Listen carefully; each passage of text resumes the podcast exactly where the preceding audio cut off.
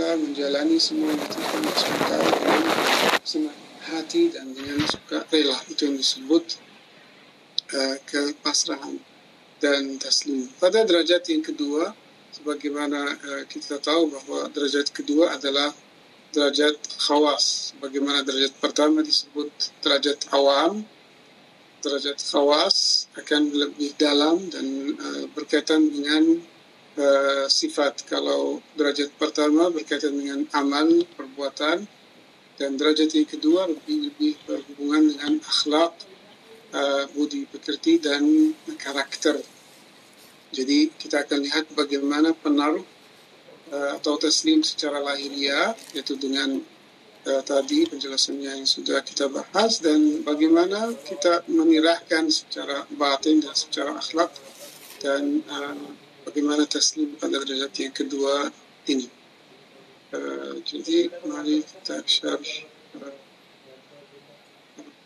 apa namanya untuk uh, ini adalah derajat tsaniyah saya ibu pakai di sini naskah yang uh, PDF uh, ya. والدرجة الثانية apakah jelas dari uh, syaratnya سودات اللي هذا هذا الشيء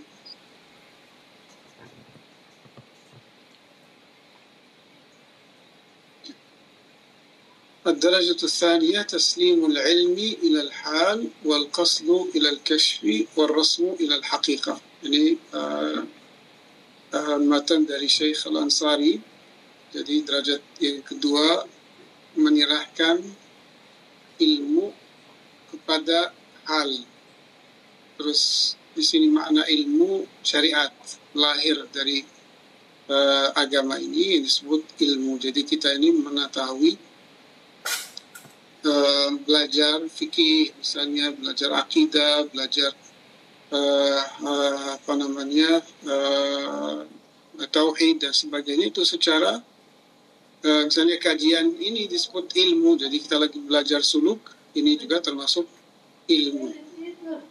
Tapi ini ilmu ini bukan tujuan pada dirinya. Ini adalah uh, semacam uh, jalan menuju ke tingkatan yang lebih tinggi lagi yaitu hal. Bekas dari ilmu ini ketika diamalkan adalah satu perasaan, satu penalaman yang kita rasakan dalam hati kita. Itu disebut hal. Jadi bagi seorang uh, abid, orang yang beribadah, uh, dia harus belajar bagaimana dia beribadah, harus taharannya, wudhunya sah, salatnya sah, saumnya sah dan sebagainya. Tapi itu tidak cukup. Sah secara lahir tidak cukup dan tidak menghasilkan tujuan dari ibadah itu. Ini tidak ada bekasnya dalam dalam uh, batin kita dalam hati kita dan dalam hakikat kita hakikat kita bukan lahir tapi batin yang kita perlu lakukan di sini adalah membangun akhlak, membangun karakter, membangun uh, budi uh, budi dalam hati kita. Nah itu dengan apa? Dengan ilmu dan amal.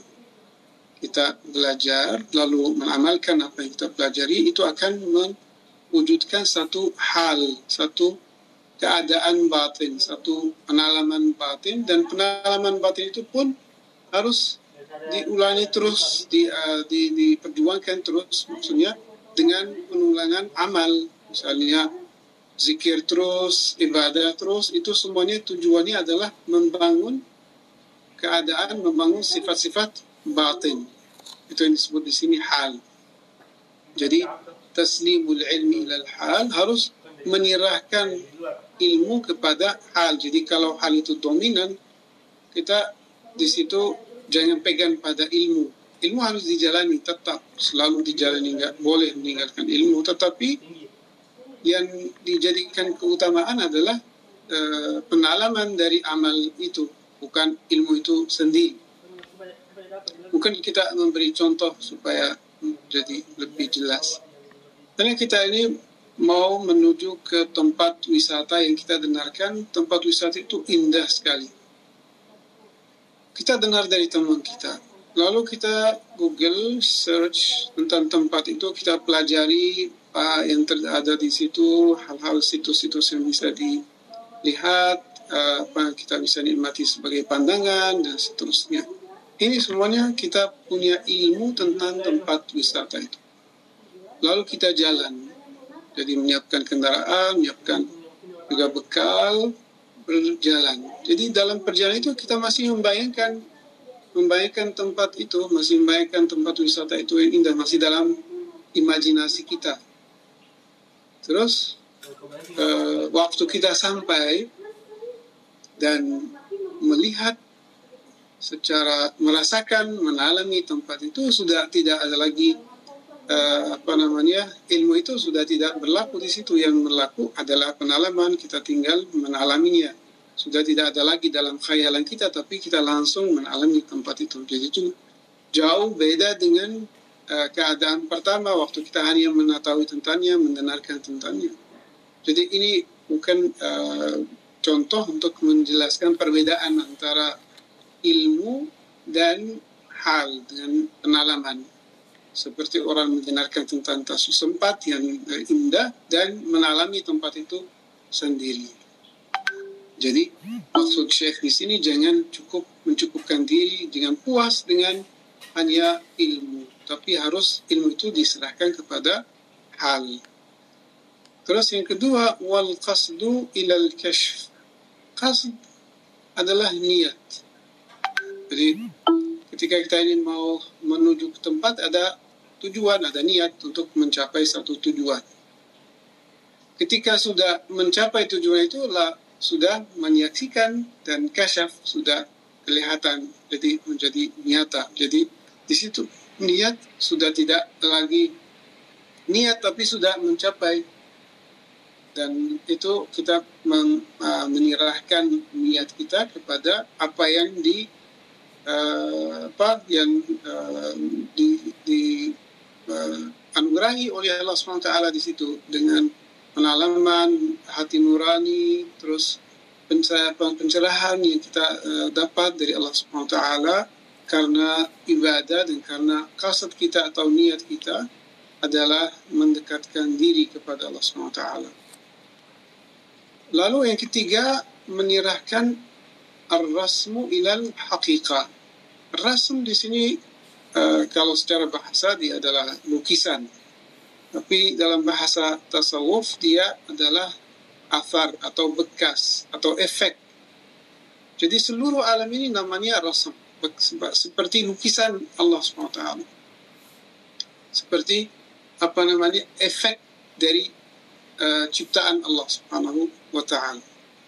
Jadi sebenarnya semua yang kelihatan ini ada pada dirinya sebenarnya tidak berdiri secara mandiri di balik itu semuanya adalah al-haq subhanahu wa ta'ala. Tapi dengan kasat mata ini kita lihat ada ini, ada itu.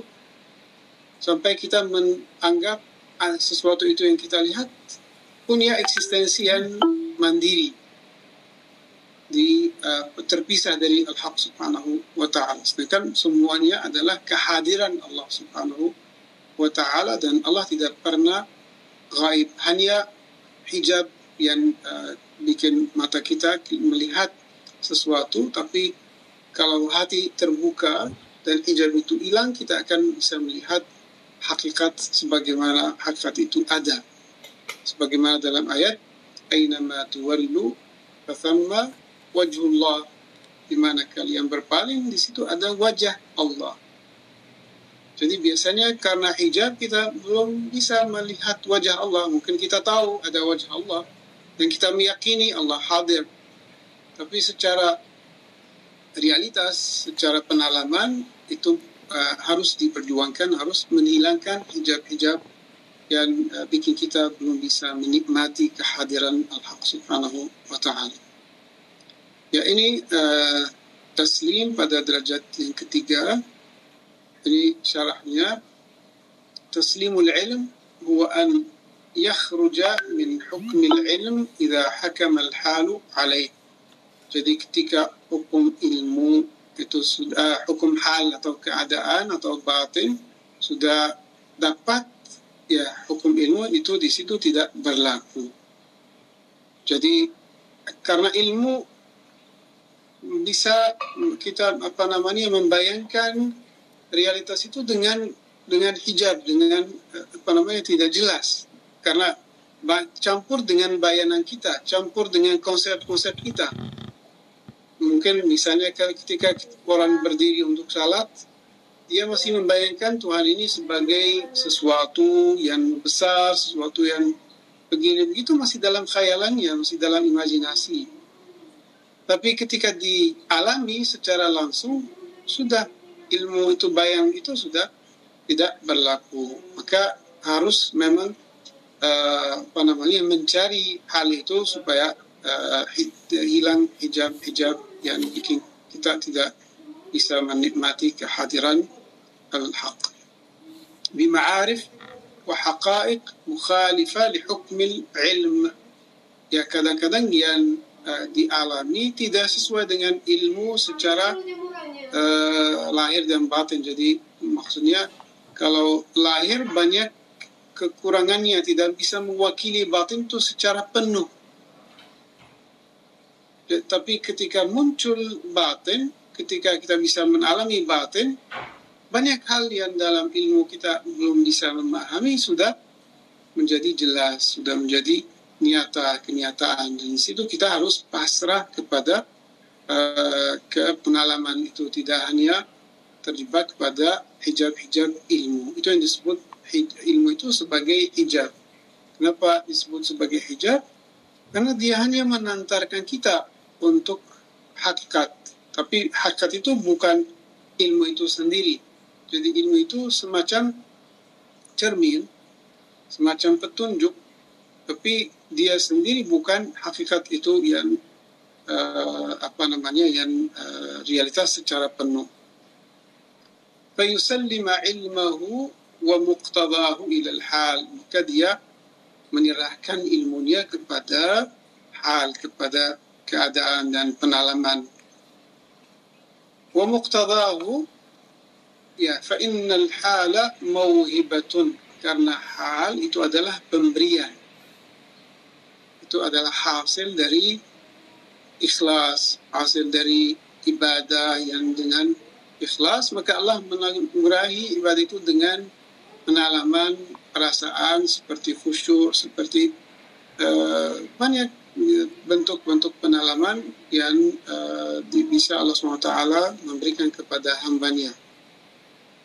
Tukhriju minal khabari ilal iyan. Jadi seorang salik di sini sudah bebas keluar dari hanya mendengarkan. Tadi saya mendengarkan ada tempat yang indah. Sekarang sudah menyaksikan tempat yang indah itu.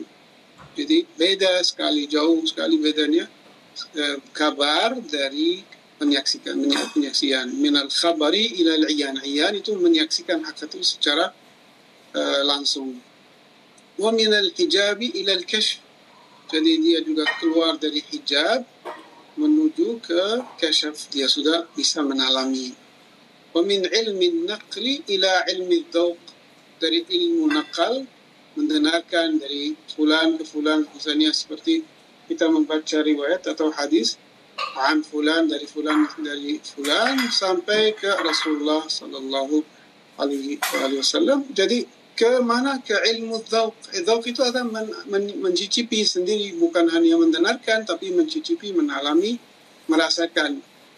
Ini kita mungkin contoh yang uh, dalam riwayat kita biasanya baca dalam riwayat uh, sahabat Rasulullah uh, dia satu pagi datang kepada Rasulullah dan mengatakan, wahai Rasulullah, aku bisa menyaksikan orang yang di neraka sudah di neraka dan orang yang di surga sudah di surga. Sekarang bisa menyaksikan mereka. Rasulullah mengatakan, arafta falzam. Engkau sudah mengetahui, maka tetaplah pada perjalanan tersebut. Jadi Hudzaifah sudah tidak lagi mendengarkan tentang surga dan tentang neraka dalam kabar, tapi dia sendiri bisa menyaksikan surga dan neraka, bisa menyaksikan hakikat. Jadi ini yang harus dijadikan sebagai tujuan dan tidak puas dengan hanya uh, amal dan menunggu hasilnya nanti ketika kita meninggal dunia. Jadi seorang salik harus menyaksikan dan menalami sekarang bukan hanya nanti setelah meninggal.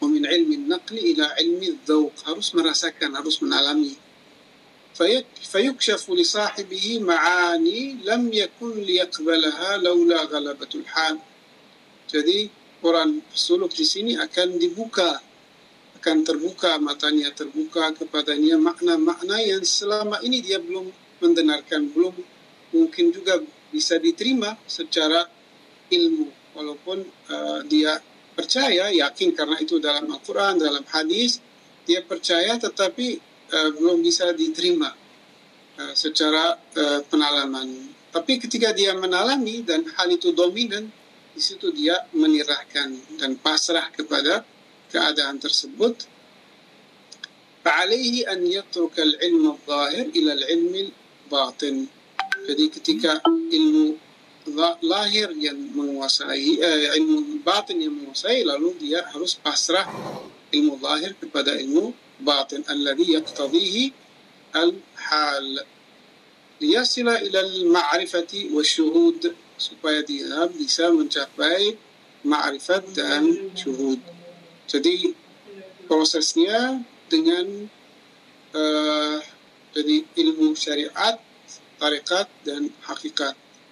Itu tahap-tahapnya. Jadi harus mulai awal dari amal secara lahiriah, mempraktikkan syariat, menyerahkan kepada Allah SWT secara penuh. Lalu eh, tarikat di situ keadaan batin penalaman mencicipi dan mulai mengalami sampai ke ma'rifat atau sampai ke syuhud dan eh, derajat ketiga yaitu fana yang kita akan bahas bentar lagi.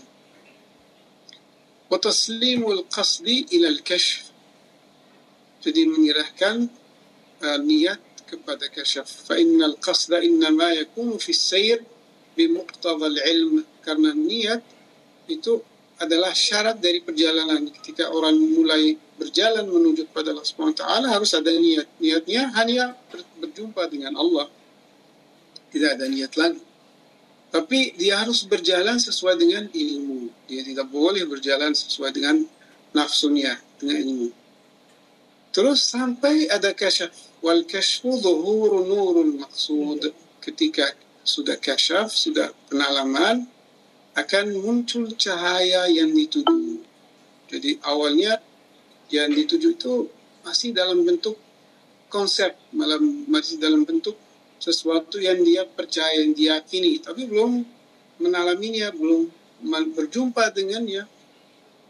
Tapi di sini ketika sudah muncul sudah mau muncul dia di situ pasrah. Seperti misalnya orang uh, seperti contoh yang disampaikan tadi orang berjalan menuju ke satu kota wisata Terus dalam perjalanan dari jauh dia sudah melihat kota itu dari jauh. Dan di situ dia juga uh, sudah tidak hanya mendengarkan sudah mulai melihat itu cahaya muncul cahaya ilahi yang muncul dalam batin seorang salik dan di situ dia pasrah menyerahkan diri kepada uh, penyaksian yang kasyaf yang akan uh, diberikan Allah Subhanahu wa taala. Wal kashfu dhuhuru nuril maqsud. Jadi kashf itu adalah uh, munculnya dan bermanifestasi cahaya yang dituju cahaya tujuan itu cahaya al-haq subhanahu wa ta'ala wa mu'ayanatil matlub sudah bisa menyaksikan apa yang dicari ومع حصول المقصود يضيع القصد dan ketika yang dicari sudah tercapai sudah tidak ada lagi niat uh, tapi sudah yang yang sebagaimana dalam maqam fana Allah sendiri akan menantar kita kepadanya di situ perjalanan seorang salik akan menjadi lebih lancar dan dengan uh, pimpinan Allah SWT terus menerus falyatrukil qasda ilal kashf. Di situ dia harus pasrah kepada kasyaf. Wa taslimur rasmi ilal haqiqah. Yang ketiga, ini yang sangat penting juga, yang biasanya kita terjebak pada rasm atau yang disebut di sini eh, bekas-bekas atau efek-efek dari penciptaan Allah SWT yang dianggap oleh banyak eh, orang, banyak manusia sebagai hal sesuatu yang mandiri. Sedangkan realitas adalah kehadiran al-haq di mana-mana. Dan tidak ada yang hadir bersama Allah kecuali uh, dari, uh, kecuali Allah SWT.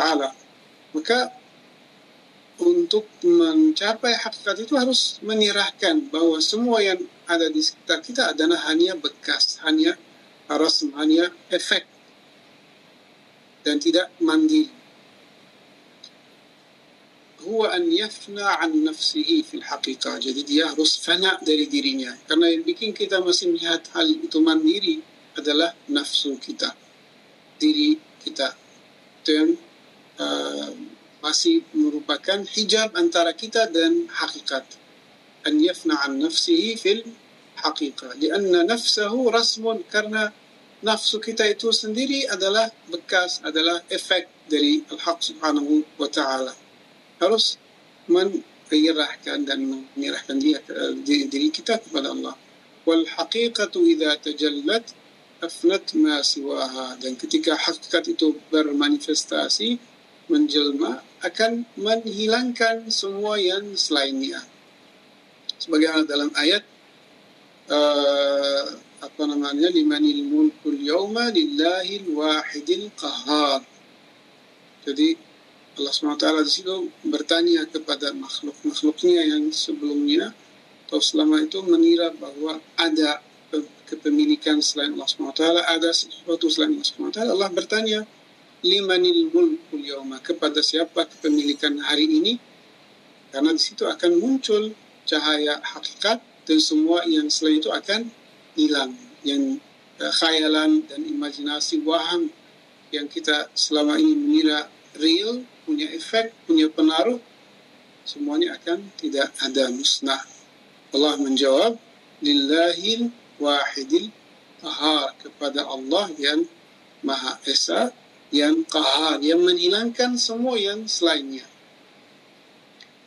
Wala yashhaduha illahi dan tidak menyaksikan kecuali realitas itu dan kecuali hakikat itu.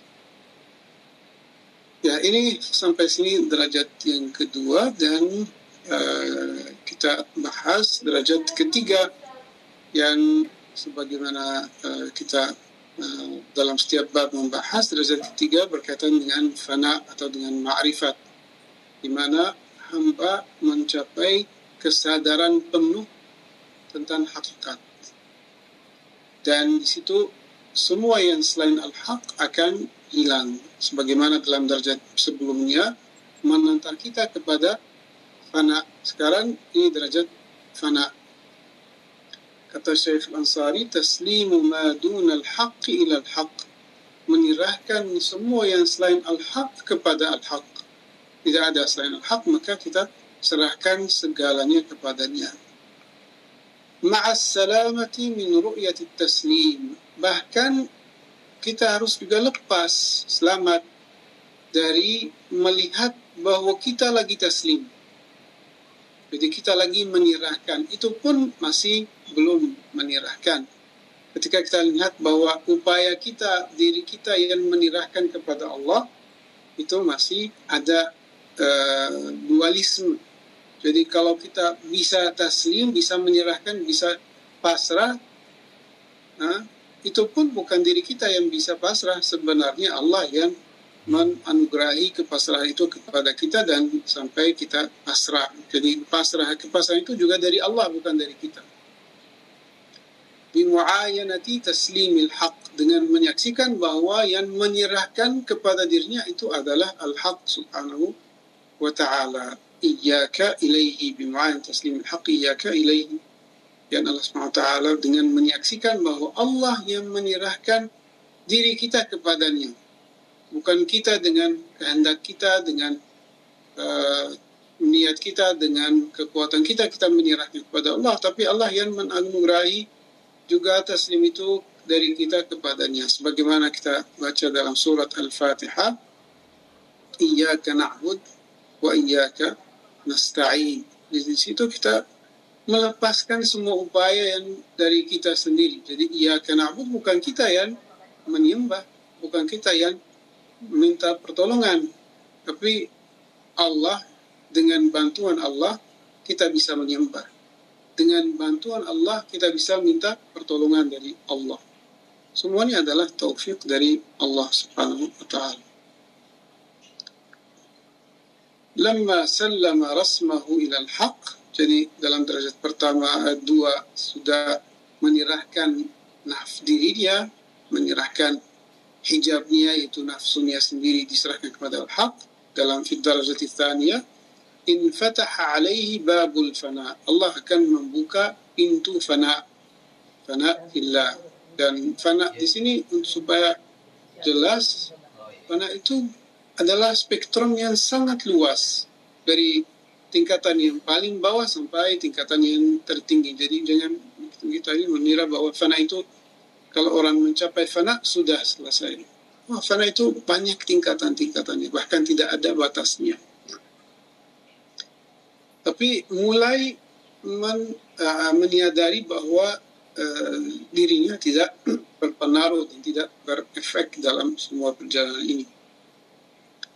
فشهد أن الرسوم كلها فانية في الحق maka disitulah dia menyaksikan bahwa semua yang selain Allah rasm itu bekas-bekas efek-efek yang di sekitar kita itu semuanya melebur dalam al-haq bahkan itu adalah Allah yang menghadirkan semuanya fa innal khalqa kullahum atharun karena semua makhluk itu adalah efek dan bekas dari al-haq subhanahu wa ta'ala wa rasumun mudmahillatun fil haq dan itu semuanya seperti lukisan yang kita lukis di atas papan atau apa sebenarnya yang bikin lukisan itu ada tinta dan orang yang melukisnya dia pada dirinya sendiri bukan apa-apa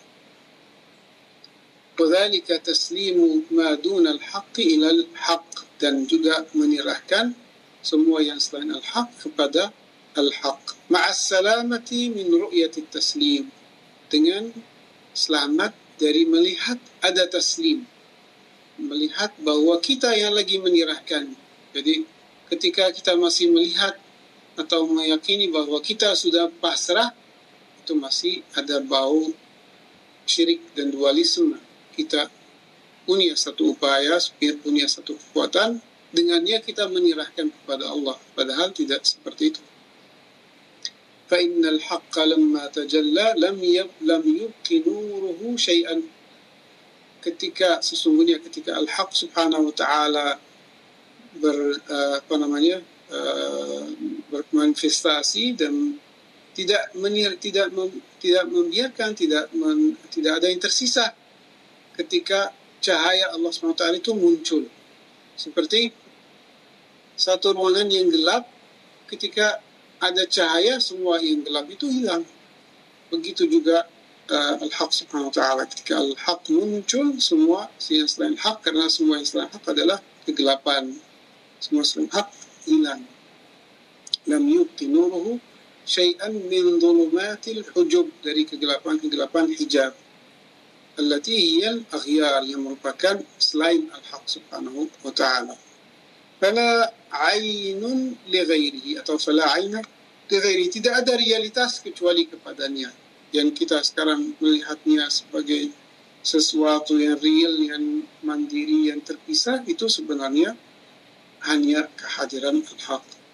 Wala athar fayu'ain li'ain al-haq. Di situ dia bisa menyaksikan dengan mata al-haq subhanahu wa ta'ala. Sebagaimana dalam hadis qurbun nawafil ما زال عبدي يتقرب إلي بالنوافل حتى أحبه فإذا أحببته كنت سمعه الذي يسمع به Jadi ketika Allah SWT mencintai seorang hamba yang mendekatkan dirinya dengan salat nafilah, Allah akan menjadi matanya. Allah akan menjadi matanya. Jadi dia akan melihat dengan mata al-haq subhanahu wa ta'ala. فَيُعَايِنُ بِعَيْنِ الْحَقِّ taslim al-haqqi nafsahu ila nafsih. Di situ dia akan menyaksikan bahwa al-haq sudah menyerahkan dirinya kepada dirinya. Bukan kita menyerahkan diri kita kepada al-haq. fala yuzahimuhu syuhudur ru'ya maka di situ menyaksikan tidak akan menjadi gangguan bagi dirinya tidak akan bangga karena sudah menyaksikan sudah berpengalaman sudah bisa melihat tapi dia di situ pasrah mengatakan yang menyaksikan adalah al-haq yang bikin kita bisa menyaksikan. Fala yuzahimu syuhudur ru'ya wala ghairaha di khulusi fardaniyatil haq. Karena di situ murni keesaan al-haq subhanahu wa ta'ala. Tidak ada dualisme, tidak ada Allah dan selain Allah. Bidatihi wa sifatihi wa af'alihi. Dengan tiga tingkatannya, al-haq secara zat, al-haq secara sifat dan haq secara perbuatan itu semuanya satu dan esa. Wa syuhuduhu dhatihi bidatihi dan Allah SWT menyaksikan dirinya dalam dirinya dan dalam semua bentuk yang selain uh, di yang disebut selain al-haq itu di seluruh alam. Fasalima an ru'yati taslim. Maka orang hamba di situ orang pesuluk dia selamat dari melihat bahwa dia lagi menyaksikan bahwa dia lagi menalami bahwa dia lagi men, mempunyai kasyaf. Di annaha aidan min al-afaq karena dirinya juga termasuk efek dan bekas dari al-haq subhanahu wa ta'ala. Ya mungkin sampai sini. Alhamdulillah sudah uh, tuntas bab uh, taslim. Dan juga uh, tuntas uh, qism atau bagian muamalat dan kita akan masuk bab uh, al-akhlaq. Ya mungkin uh, sebelum kita melanjutkan mungkin dibuka uh, apa namanya uh, uh, sesi tanya jawab Ya ya sesi tanya jawab. Ya, silakan. Uh, baik, kami silakan kepada uh, ibu dan bapak yang ingin bertanya uh, bisa membuka mikrofonnya untuk bertanya langsung kepada syekh kita. Kami silakan.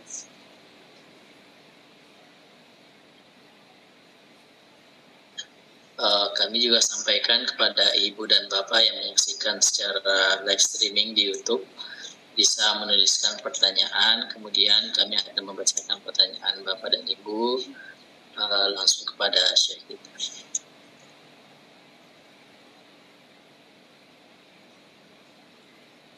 Assalamualaikum Pak Ustaz. Waalaikumsalam. Waalaikumsalam. Ya. Baik. Mohon izin Pak Ustaz ya. Baik Pak. Uh, tadi telah disinggung masalah uh, ayat di dalam surat Al-Fatihah ya kana abudu wa ya kana nasta'in bahwa bukan kita yang menyerahkan diri kita kepada Allah tetapi Allah yang menyerahkan sendiri. Dan bukan kita yang meminta tolong Allah sendiri yang. Pertanyaannya apakah ini yang dimaksud al-a'budu wal apa al-abid wal wahid? Ustaz mohon penjelasan. Ya terima kasih Pak Mansur ya uh, yang dimaksud di situ. mana ini pembuangan ini. Halo? Uh, baik boleh dilanjutkan ya. Jadi yang dimaksud di situ al-ma'bud wal abd wahid bukan uh, bahwa makhluk adalah khalik tapi makhluk adalah wujud yang digerakkan Allah SWT secara penuh. Dia tidak punya kekuatan sama sekali, tidak punya uh, kehendak yang terpisah, yang uh, mandiri dari Allah Subhanahu Wa Taala. Jadi dia adalah wujud yang bergantung secara total kepada Allah Subhanahu Wa Taala dan Allah yang memberikan taufik, memberikan izin bahwa dia bisa meminta pertolongan, Allah bisa dengan itu hamba bisa menyembah. Kalau tidak diizinkan, tidak diberikan kekuatan oleh Allah SWT, dia tidak bisa menyembah dan tidak bisa minta pertolongan. Jadi itu makna dari uh, al-abid wal ma'bud wahid. Jadi harus difahami dalam konteks yang tepat dan benar. Jadi biasanya juga ada terjadi kesalahan ketika misalnya kita melihat Allah dan makhluk satu ya secara wujud memang nggak ada wujud selain Allah Tapi secara uh, kesempurnaan, ya tetap Allah adalah maha sempurna dan makhluk adalah maha fakir. Jadi makhluk adalah wujud yang sangat fakir, bergantung dan tidak punya wujud yang terpisah dari Al-Haq subhanahu wa ta'ala. Itu yang dimaksud juga tadi dalam baik dalam surat Al-Fatihah atau dalam surat uh, tadi juga dalam ayat lillahi limanil mulkul yawma lillahi wahidil qahhar dan juga yang kita ucap zikir la haula wa la quwata illa billahil aliyyil azim itu juga menjelaskan uh, betapa uh, bergantungnya hamba ini kepada Allah SWT dalam semua urusannya, zatnya, sifatnya, perbuatannya, dia bergantung secara total. Ya Pak Mansur mudah-mudahan jelas. Oh ya, makasih banyak Ustaz atas penjelasannya. Ya, silakan Pak Ustaz. Ya. Baik, uh, selanjutnya kami silakan kepada Ibu Bapak yang ingin bertanya uh, untuk membuka mikrofon.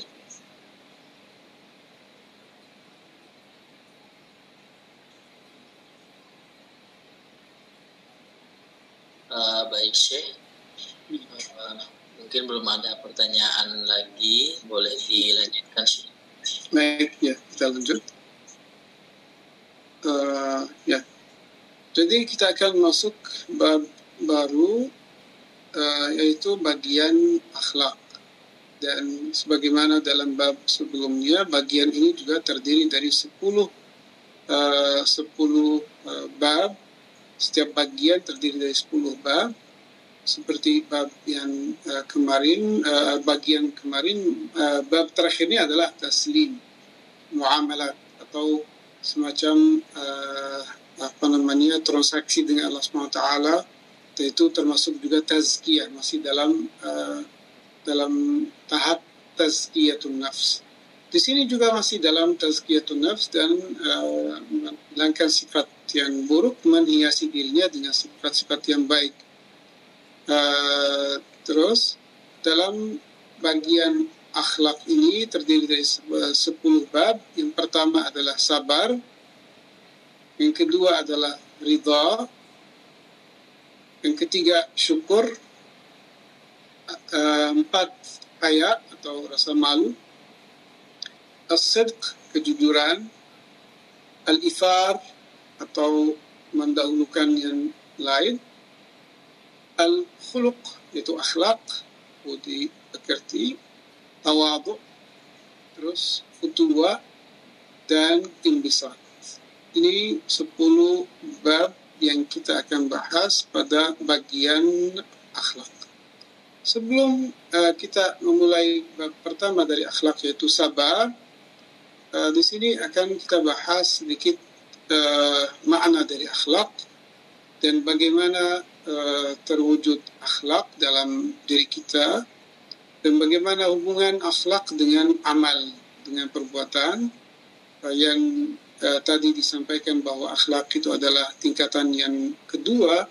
Jadi setelah amal ada akhlak yang ketiga adalah hakikat atau ma'rifat. Ya, jadi ini adalah uh, tempat atau uh, tingkatan yang uh, di tengah antara amal dan ma'rifat. Uh, Al-akhlaqu mawarithul muamalat. Jadi tadi uh, bagian sebelumnya namanya muamalat.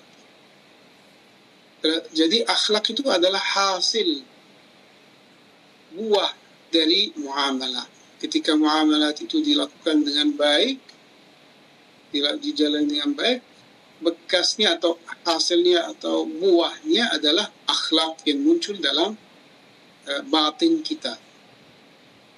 فإن الأخلاق ملكات في النفس karena dan sesungguhnya akhlak itu adalah malakah. Malakah itu adalah sesuatu yang tetap atau tadi kita bahas hal. Hal itu satu keadaan batin, satu penalaman batin yang terjadi uh, sementara untuk waktu yang sementara. Tapi kalau diperjuangkan, diteruskan terus menerus, uh, penalaman itu akan menjadi malakah yang menjadi tetap, menjadi sifat, menjadi budi. Maka akhlak adalah malakat yang terukir dalam jiwa kita, fin nafs. تصدر معها الأفعال من النفس محمودة بلا روية. Nah ini yang menarik di sini. Jadi uh, apa namanya aktivitas kita atau perilaku kita uh, sekarang misalnya seorang sebelum memiliki akhlak dia kalau mau mengerjakan sesuatu dia dikerjakan dengan susah dan dengan uh, keberatan hati. Misalnya orang mau memberi sedekah dia tetap mau memberi tetapi dia memberi mungkin karena dianjurkan karena diperintahkan Allah SWT apalagi kalau wajib dia harus. Jadi tapi dia memberi dengan keberatan. Kenapa? Karena sifat darmawan itu belum menjadi malakah masih harus diperjuangkan harus diamalkan dengan niat bahwa ini adalah untuk memperjuangkan sifat yang baik dalam hati kita dan itu mewujudkan sifat darmawan dan merupakan salah satu sifat Al-Haq subhanahu wa ta'ala. Takhallaqu akhlaqillah. Jadi kita menghiasi diri kita dengan akhlak Allah. Salah satu akhlak Allah adalah darmawan. Maka kita harus membiasakan diri kita memberi-memberi terus dengan niat. Bukan niat mendapatkan pahala. Kalau dengan niat mendapatkan pahala tidak akan tercapai sifat itu. Jadi mendapatkan pahala sudah mendapatkan pahala. Tapi kalau dilaksanakan dengan niat memperjuangkan sifat darmawan, lama-lama akan terbentuk sifat darmawan. Ketika terbentuk sifat darmawan, kita akan memberi dengan sukarela. Tidak dengan keberatan dan tidak dengan kesusahan. Jadi kita memberi dengan sukarela. Itu yang makna tasduru ma'ahli af'al minan nafsi mahmudatan bila rawiyah. Jadi ketika satu sifat menjadi malakah, menjadi budi, perbuatan yang berkaitan dengan sifat itu akan muncul tanpa dipikirkan. Secara spontan akan bermanifestasi dan akan dilakukan. Misalnya contoh yang lain. Uh, dalam salat, misalnya kita dalam ruku membaca Subhana Rabbiyal Azim wa bihamdih. Dalam Subhana Rabbiyal Azim itu kita merasakan kebesaran dan keagungan Allah SWT. Allah yang maha agung. Di situ kita rasakan. Jadi dengan memahami makna Allah maha agung, dengan dirasakan, terus dimasuki ke hati kita, dilakukan berkali-kali, sampai menjadi sifat. Jadi tawaduk kita, kita ketika kita memahami bahwa diri kita adalah hamba yang yang rendah, anda yang rendah hati atau yang hina yang tidak memiliki apa dan Allah yang maha agung yang memiliki segalanya maha besar mah ketika itu menjadi malaka atau menjadi sifat yang tetap ketika kita ruku dalam setiap rakaat atau dalam setiap salat kita ruku akan merasa perasaan yang sama. Misalnya tidak misalnya kadang merasa khusyuk kadang enggak, kadang merasa keagungan Allah, kadang biasa-biasa aja.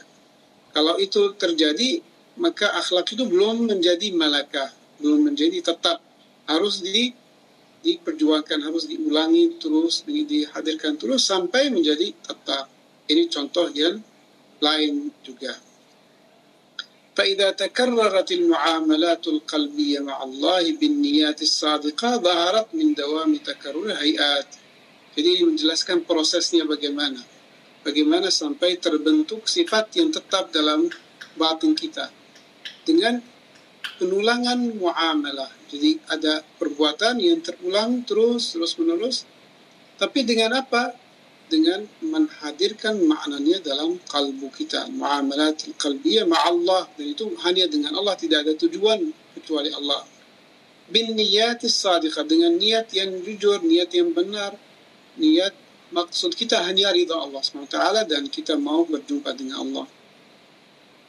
Zaharat min dawami takarruriha akan muncul karena diulangi terus dengan niat itu hayatun satu keadaan satu keadaan batin satu perasaan batin satu penalaman batin rasikha yang tetap dalam jiwa kita nah di situ akan muncul cahaya litunawwiraha binuril qalb. Akan menghiasi batin kita dengan cahaya yang uh, berasal dari hati yang menerima sifat tersebut. Wasafaihi karena hati sudah jernih dan suci dari sifat-sifat yang lawan dari sifat itu. Alhasili barakatil muamalat. Jadi uh, kejernihan dan kesucian hati itu terjadi karena uh, muamalah yang dilakukan terus menerus muamalah tadi yang diperjuangkan yang dilakukan diamalkan nanti akan mensucikan hati dari kotoran dari hijab-hijab dan akan diterani dengan sifat yang diperjuangkan dan dia akan menjadi sebab perbuatan yang berkaitan dengan sifat itu muncul tanpa keberatan, muncul secara spontan. Fayashulu alaihi bisabab tilkal hayat sudurul fadail. Maka akan jadi mudah baginya karena sifat tadi karena budi tadi yang tetap dia bisa menunjukkan kebaikan dan kebajikan secara spontan. Tidak ada lagi ada keberatan untuk mengerjakannya wal khairat dan semua kebaikan akan muncul dari dirinya wasuluk tariqah dan dia bisa berjalan dalam tarikat ini secara lancar ya jadi ini penjelasan dari uh, bab ada bagian akhlak ini dan makna dari akhlak dan bagaimana uh, terbentuk akhlak, bagaimana terbangun akhlak dalam hati kita, yang bagaimana hubungannya dengan amal atau dengan muamalah yang kita sudah pelajari dalam bagian sebelumnya. Uh, ya, jadi berikutnya adalah bab pertama dari bagian akhlak ini yaitu bab sabr. Sabar sebagaimana dalam setiap bab dimulai dengan uh, ayat. Di sini Allah SWT berfirman rajim. Wasbir wa ma sabruka illa billah. Bersabarlah dan kamu tidak bersabar kecuali dengan pertolongan Allah Subhanahu wa taala. Wa sabruka illa billah. Terus kata Syekh innama qala wa ma sabruka illa billah lianna sabr innama yakunu bil quwwah. Jadi dalam ayat mengatakan kamu tidak bersabar kecuali dengan Allah karena sabar itu perlu kekuatan perlu kekuatan dan kekuatan itu dari al-haq subhanahu wa ta'ala wa anna al-quwwata lillahi jami'a sedangkan kekuatan itu semuanya milik Allah dan Allah yang menganugerahi kita bisa memiliki kekuatan untuk bersabar. Faman la yu'ayyidu Allah biquwwati la yastati'u an yasbar an yasbir. Jadi orang yang tidak di di ditolongkan oleh Allah Subhanahu wa taala dengan kekuatannya, tidak diberikan pertolongan dengan kekuatannya, dia tidak bisa bersabar. Jadi kita nggak memiliki kekuatan untuk bersabar kecuali yang diberikan Allah Subhanahu wa taala. Lalu menjelaskan makna dari sabar sebagaimana dalam setiap bab, makna dari sabar ini secara bahasa, secara etimologi dan juga secara istilah makna dari sabar. Wasabru habsun nafsi ala jaza'in kaminin anis syakwa. Sangat singkat dan sangat dalam definisi dari sabar ini. Jadi sabar itu adalah menahan nafsu. Tadi mungkin menerjemahkan nafs di sana sebagai jiwa.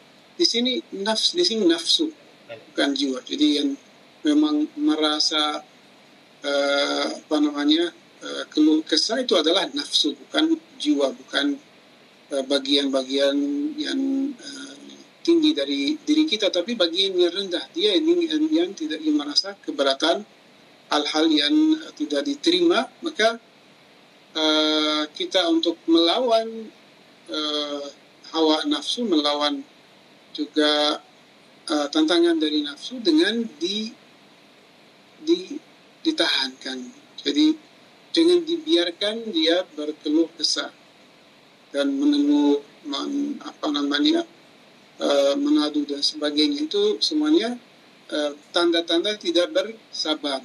Maka sabar adalah menahan nafsu kita dari al-ala jaza'in kamin. Jadi di dalam diri kita ada jaza. Jaza itu keluh kesah yang di dalam tapi kita menahan tidak muncul secara lahir. Jadi kita misalnya ada musibah, ada hal-hal yang kita uh, berat untuk diterima, biasanya orang itu muncul dari dirinya tidak uh, tenang atau misalnya dia menadu atau dia misalnya sampai uh, tidak stabil keadaannya, stres dan sebagainya itu karena musibah yang ditimpa. Maka harus uh, melatih diri kita sampai mencapai makam sabar. Sabar itu adalah tahap menahan diri dari menunjukkan rasa berat atau merasa uh, berat men, men, menghadapi satu musibah atau satu kejadian yang kita uh, sulit untuk diterima. Ala jazain kamil anis syakwa ditahan supaya dia tidak ber uh, apa namanya menadu atau men, uh, menyampaikan itu secara terang-terangan kepada yang lain menadu itu kepada yang selain Allah taala. Syarahnya habsun nafs an izharil jazai bisyikayati al ghair jadi menahan diri supaya tidak menyampaikan tidak berkeluh kesah kepada selain Allah Subhanahu wa taala dan menadu kepada selain Allah Subhanahu wa taala ma'a kumunil jaza'i fil batin walaupun di dalam hati kita ada keberatan masih ada uh, keluh kesah di dalam batin wa inna ma'tabara fihi kumun al-jaza' li'annahu law lam yakun al-jaza' kamilan fil batin lam yakun habsan lin nafs sini sabar kenapa di dalam diri kita ada menahan uh, keluh kesah karena memang kalau tidak ada keberatan batin, maka itu bukan sabar akan makam yang lain seperti ridha atau yang syukur yang lebih tinggi dari sabar. Sabar masih rendah sebagaimana kita lihat di sini. Pada bab ini sabar adalah makam yang paling rendah dari akhlak. Wal muradu bisyakwa asyikayatu ila ghairil haqin. Sebut yang dimaksud di sini sebagai menadu adalah نادو كبادر سلاين الحق سبحانه وتعالى. لأن الشكوى إلى الله في باب الصبر محمودة. كنا نادو كبادا الله dalam باب الصبر ini adalah sesuatu yang baik دي itu dianjurkan ألا ترى أيوب عليه السلام كيف شكى إلى ربي؟ سبحان نبي أيوب عليه السلام منادو كبادا الله سبحانه وتعالى أني مسني الشيطان بنصب وعذاب. Dan di situ Allah taala memuji Nabi Ayub alaihissalam walaupun beliau mengadu kepada Allah SWT. Inna wajadnahu sabiran Allah memuji Nabi Ayub sebagai hamba yang bersabar. Ni'mal abdu innahu awab. Sebaik-baiknya hamba karena uh, karena dia selalu kembali kepada Allah SWT. Awab, tawab dengan satu mana dia selalu kembali kepada Allah Subhanahu wa taala. Dan juga dalam uh, konteks Nabi Yaqub alaihissalam biqaulihi innama ashku bathi wa huzni ila Allah. Sesungguhnya hanyalah aku menadu uh, apa yang musibahku kepada Al-Haq subhanahu wa ta'ala dan juga kesedihanku hanya kepada Allah subhanahu wa ta'ala. Dan beliau juga termasuk orang-orang yang bersabar.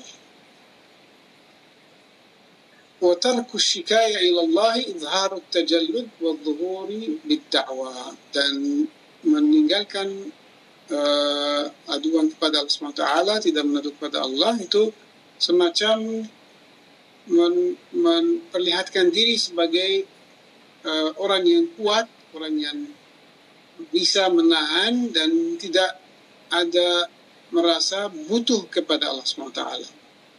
Jadi kadang-kadang Allah SWT men, uh, mengasih kepada kita ujian, mengasih musibah atau uh, suatu ujian berat supaya muncul rasa butuh kepada Allah, rasa fakar kita adalah hamba yang fakir dan kita butuh dan Allah ingin kita ini men menuju kepadanya. Allah ingin kita ini minta darinya. Allah ingin kita butuh kepadanya maka dikasih musibah dan ujian.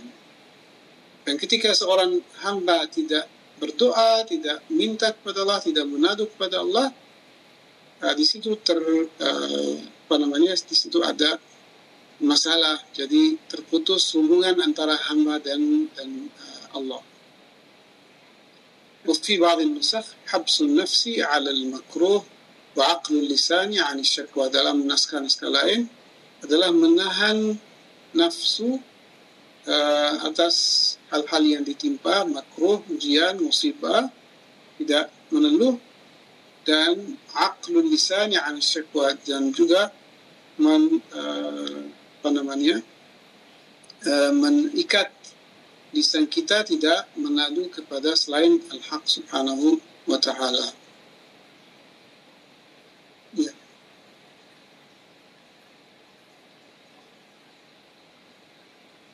Ya terus uh, mungkin sampai sini dulu Karin kalau ada pertanyaan nanti kita akan masuk uh, namanya penjelasan tentang sabar dan derajat pertama dari sabar dan derajat dan derajat itu. Kalau ada pertanyaan yang berkaitan dengan hal ini dipersilakan. Uh, baik, Syekh, syukran jazila. Uh, selanjutnya kami membuka sesi tanya jawab kembali kepada ibu dan bapak yang ingin bertanya. Disilahkan untuk membuka mikrofonnya.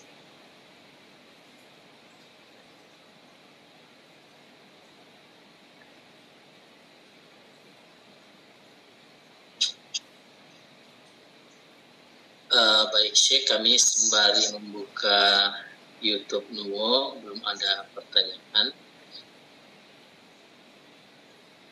Uh, apakah kita cukupkan saja Syekh untuk malam ini? Ya boleh, kalau tidak ada pertanyaan kita cukup.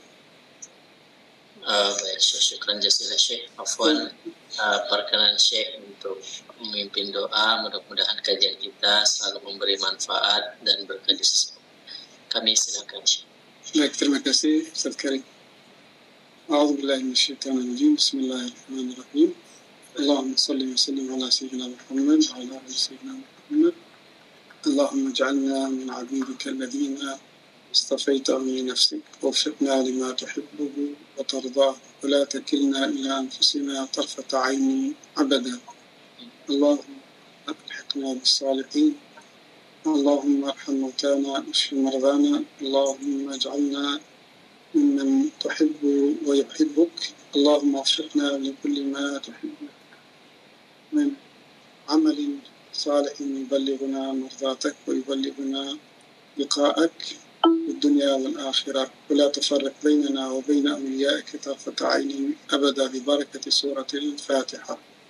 أعوذ بالله من الشيطان الرجيم. بسم الله الرحمن الرحيم. الحمد لله رب العالمين. الرحمن الرحيم. مالك يوم الدين. إياك نعبد وإياك نستعين. اهدنا الصراط المستقيم.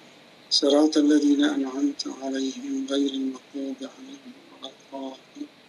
سبحان ربك رب العزة عما يصفون. وسلام على المرسلين والحمد لله. السلام عليكم ورحمة الله وبركاته. Waalaikumsalam warahmatullahi wabarakatuh. Alhamdulillah, uh, syukur jazilah Syekh atas kesempatan waktu dan ilmunya pada malam hari ini. Uh, mudah-mudahan kita selalu diberi kesehatan untuk dapat bertemu kembali dalam kajian bersama praktis yang rutin diadakan setiap hari uh, Senin malam. Dari kami cukup sekian. Allahumma fiqillah tarikil haq. Assalamualaikum warahmatullahi wabarakatuh. Waalaikumsalam warahmatullahi wabarakatuh. Terima kasih. Syukran. Terima kasih Syekh. Terima kasih Mas Karim. Terima kasih banyak Ustaz Karim. Nah, mudah-mudahan bertemu lagi di minggu depan. Amin. Amin. Insyaallah. Syukron, syukron, syukron. Afwan, afwan, mohon doanya. kasih. Terima kasih banyak Ustaz Karim. Alhamdulillah, terima kasih Terima banyak. kasih banyak. Izin lip saya Ya, ya. Ayat 35 sampai 39. Dan kita sudah membahas ayat pertama wa qulna hadna wa qulna ya adam uskun anta wa zawjuka al-jannah وكلا منها رغدا حيث شئتما. ولا تقربا هذه الشجرة فتكونا من الظالمين. ممكن سيسبلوم مولاي؟ من دول كان جماعة؟ ممكن من كان القرآن؟ dan sambil juga melihat terjemahan dari bahasa Indonesia dan supaya sama lihat perbandingan antara tafsir ini dan terjemahan dan makna yang kita dapat juga jadi uh, sebenarnya memahami dan mendapatkan makna Al-Quran selalu bergantung pada kondisi kita dan juga pada bagaimana bersikap terhadap uh, Al-Quran itu. Jadi kalau kita menganggap Al-Quran itu adalah wujud yang hidup, wujud yang bisa berkomunikasi dengan kita, kita pasti akan selalu terbuka untuk makna-makna yang selalu baru. Uh, jadi uh, semoga uh, aktivitas ini juga bisa menjadikan diri kita akrab dengan Al-Quran dan bisa lebih dekat dan bisa berteman dengan Al-Quran. Uh, kita sudah membahas ayat pertama, kulna ya ayat 35 maksudnya, kulna ya Adam uskun, ini membahas kisah uh, bagaimana Allah SWT menempatkan Nabi Adam di surga dan Hawa di surga, terus uh, suruh malaikat sujud kepada Nabi Adam, terus uh, lalu makan dari uh, dan dilarang untuk makan. Lalu bagaimana sampai mereka turun dari surga ke bumi uh, terus yang dibahas terakhir adalah uh, bahwa makan uh, adalah sebab turunnya Nabi Adam dari surga ke bumi jadi makan itu bukan tidak ada jarak antara makan dan bumi sebenarnya. Jadi langsung makan sudah muncul kemaluan dan itu adalah kehidupan di dunia. Dan uh, itu menjelaskan bahwa uh, sebenarnya Nabi Adam diciptakan untuk dunia dari awal bukan di, tidak diciptakan untuk akhirat dan kita sudah bahas argumentasi argumentasinya kemarin. Ketika Allah SWT taubat dan menerima taubatnya Nabi Adam tidak dikembalikan ke surga. Jadi seharusnya dan secara uh, apa namanya ketika Allah SWT taubat kembali kepada seorang hamba dan hamba kembali kepada Allah, dia akan kembali ke tempat awalnya, tidak turun derajatnya kalau Allah menerima taubat. Dan Allah mengabarkan bahwa Allah menerima taubat Nabi Adam, tataba alaih, terus tapi tidak dikembalikan ke surga maka memang dari awal rencananya bukan tidak hidup di surga tapi hidup di dunia ini tapi itu dijad, dijadikan sebagai ujian dan juga sebagai proses uh, turun dari surga dan ke bumi untuk mengalami mengalami beberapa uh, macam kehidupan kehidupan yang sebelum uh, surga, surga dan juga kehidupan duniawi. Dan itu adalah keutamaan Adam dibandingkan malaikat dan juga dibandingkan jin dan uh, iblis waktu itu. Keutamaan Adam bisa mengalami semua macam kehidupan, semua jenis kehidupan, baik yang uh, tidak ada hubungan dengan materi sama sekali, yaitu kehidupan yang non materi, yaitu surga, dan juga kehidupan maknawi lebih tinggi dari dari itu dan juga kehidupan yang ada materi dan ada fisik yaitu kehidupan dunia yang di mana ada makan minum dan seterusnya jadi uh, ini yang uh, apa namanya merupakan sebab Adam memiliki uh, seluruh nama. Itu makna mengajarkan kepada Nabi Adam seluruh nama. Allama Adam al-asma'a kullaha. Itu memiliki semua potensi uh, baik langit maupun bumi. Tapi dalam kisah eh, yang disampaikan di sini menjelaskan prosesnya bagaimana eh, apa namanya Nabi Adam diuji terus diturunkan eh, bagaimana apa yang menyebabkan sau'ah atau kemaluan itu muncul itu semuanya adalah pelajaran yang nanti akan bermanfaat untuk uh, cucu Nabi Adam dan semua uh, keturunan Nabi Adam bagaimana proses uh, men mengetahui dari mana terus di mana di dunia menjalani dunia bagaimana menjalani dunia dan bagaimana kembali lagi ke titik awal dan bahkan lebih tinggi dari itu.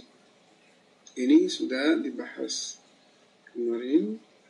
Kita sudah sampai uh, pembahasan terakhir adalah pembahasan bagaimana uh, Nabi Adam uh, lupa dan uh, apa namanya wakada ahidna li Adam fanasi nasi di situ maksudnya lalai dari uh, alam tabata yang membuktikan bahwa nasia di situ lupa itu bukan uh, apa namanya larangan Allah swt bukan bahwa jangan men, uh, makan bukan jangan makan bukan juga uh, apa namanya ya bukan larangan itu tetapi yang dimaksud di situ adalah mithaq atau janji awal.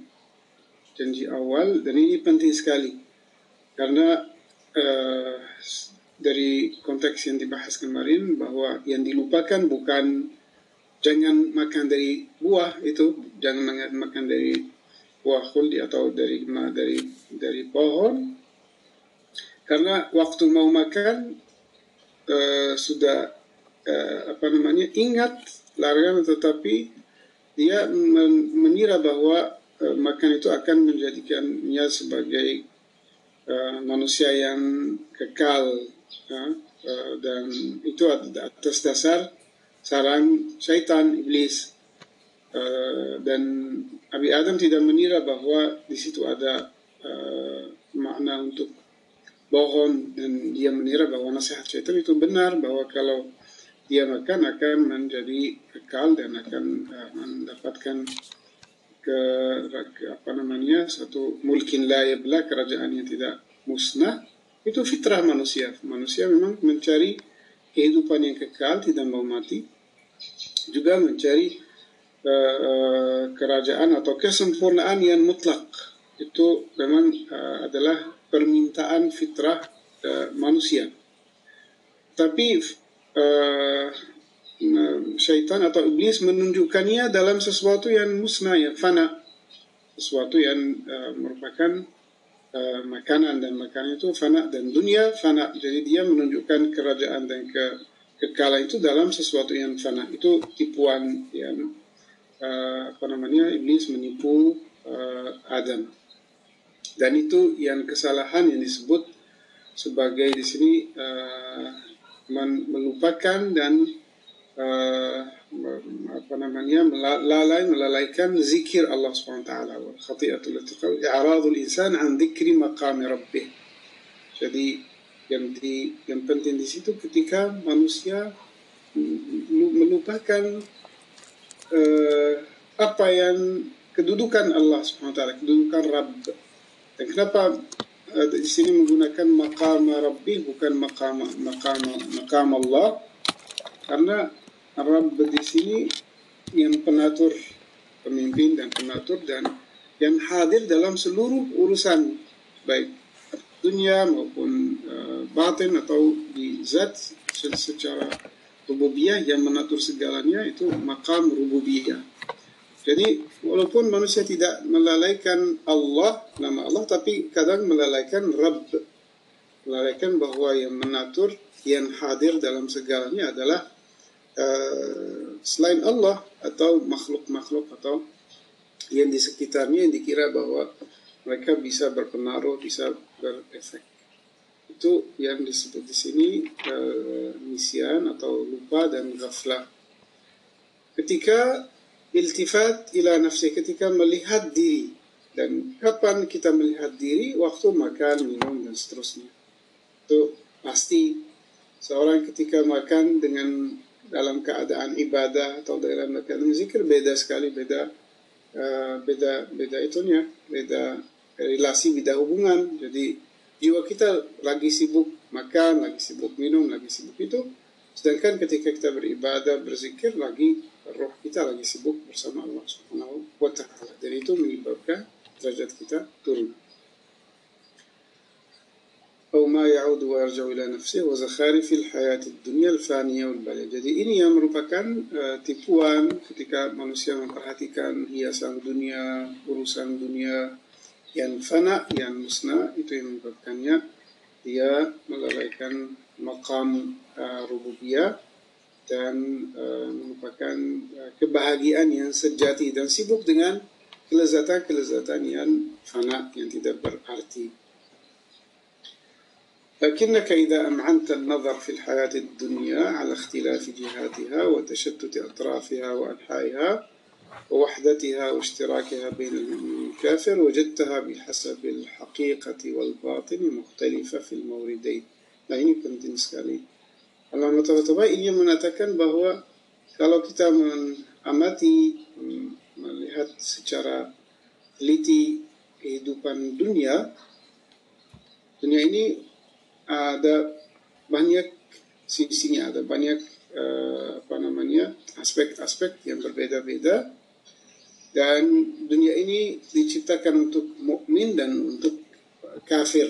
Semua bisa menikmati dunia ini terus dunia ini juga bisa menjadi sebab kebahagiaan dan juga bisa menjadi, sebab kecelakaan manusia jadi dia adalah sesuatu yang uh, merupakan uh, apa namanya uh, konteks di mana manusia bisa mencapai kebahagiaan yang mutlak, yang absolut. Dan itu pun di dunia maupun di akhirat. Bukan hanya di akhirat. Sedangkan kafir ketika dijadikan sebagai tujuan, dia akan mengira bahwa dia lagi menikmati uh, dan dia dan sebenarnya dia lagi akan mengalami kesengsaraan yang uh, abadi kalau dia teruskan perjalanan itu dan menjadikan dunia sebagai tujuan. مختلفة في الموردين بحسب ذوق العلم بالله تعالى yang menyebabkan uh, dunia itu beda efeknya, beda hasilnya, beda pengaruhnya adalah ilmu kita tentang Allah SWT. Ma'rifat kita sebenarnya. Zawq, karena menggunakan kata zawq, jadi bukan hanya pengetahuan konseptual, tetapi ma'rifat kita uh, kepada Allah SWT. Itu yang menyebabkan kita bisa bahagia atau jahil. Kalau kita tidak tahu dan tidak kenal Allah, maka itu menyebabkan kesengsaraan kita. Penjelasannya, Al-arifu bimaqami rabbih. Ini penting. Jadi orang arif yang mengenal maqam Rabbnya. Kenapa menetapkan maqam? Karena uh, kita tahu bahwa ada Rabb. Wujud Rabb itu kita semua tahu. Tapi uh, peran Rabb itu banyak yang tidak tahu dan tidak kenal. Mungkin tahu tapi tidak kenal. Tidak merasakan.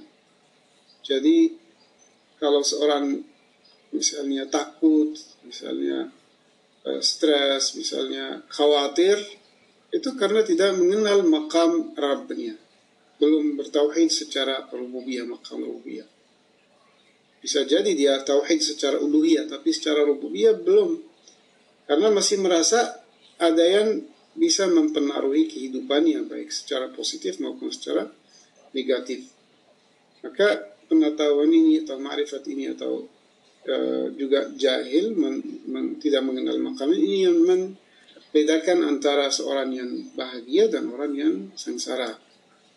Al-arifu bi maqami rabbih idza nazara ila nafsih ketika melihat dirinya وكذلك إلى الحياة الدنيا الجامعة لأقسام القدرات وأنواع الآلام وضروب المكاره من موت وحياة وصحة وسقم وسعة وإقتار وراحة وتعب ووجدان وفقدان Jadi ini kehidupan dunia ini ketika kita mengamati melihat dunia itu terdiri dari apa. Jadi dunia itu mengandung banyak hal. Ada yang hal-hal yang uh, apa namanya bikin kita marah, bikin kita tidak senang, misalnya bikin kita sedih, itu disebut kudurat. Ada alam hal-hal yang menyakiti kita seperti penyakit, seperti omongan orang, seperti misalnya uh, ketiadaan seorang yang kita cintai dan sebagainya. Ini semuanya merupakan sebab-sebab yang uh, bikin manusia itu sedih.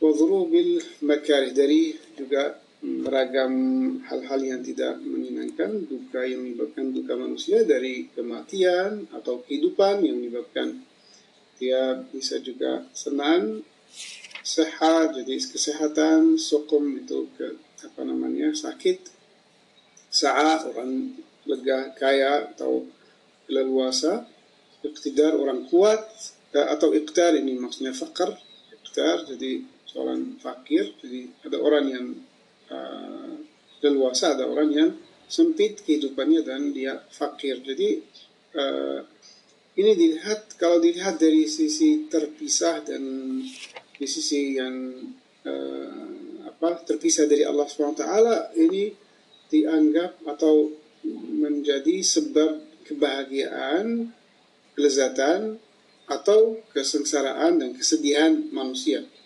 Kalau dilihat dari sisi dia terpisah dari Allah SWT.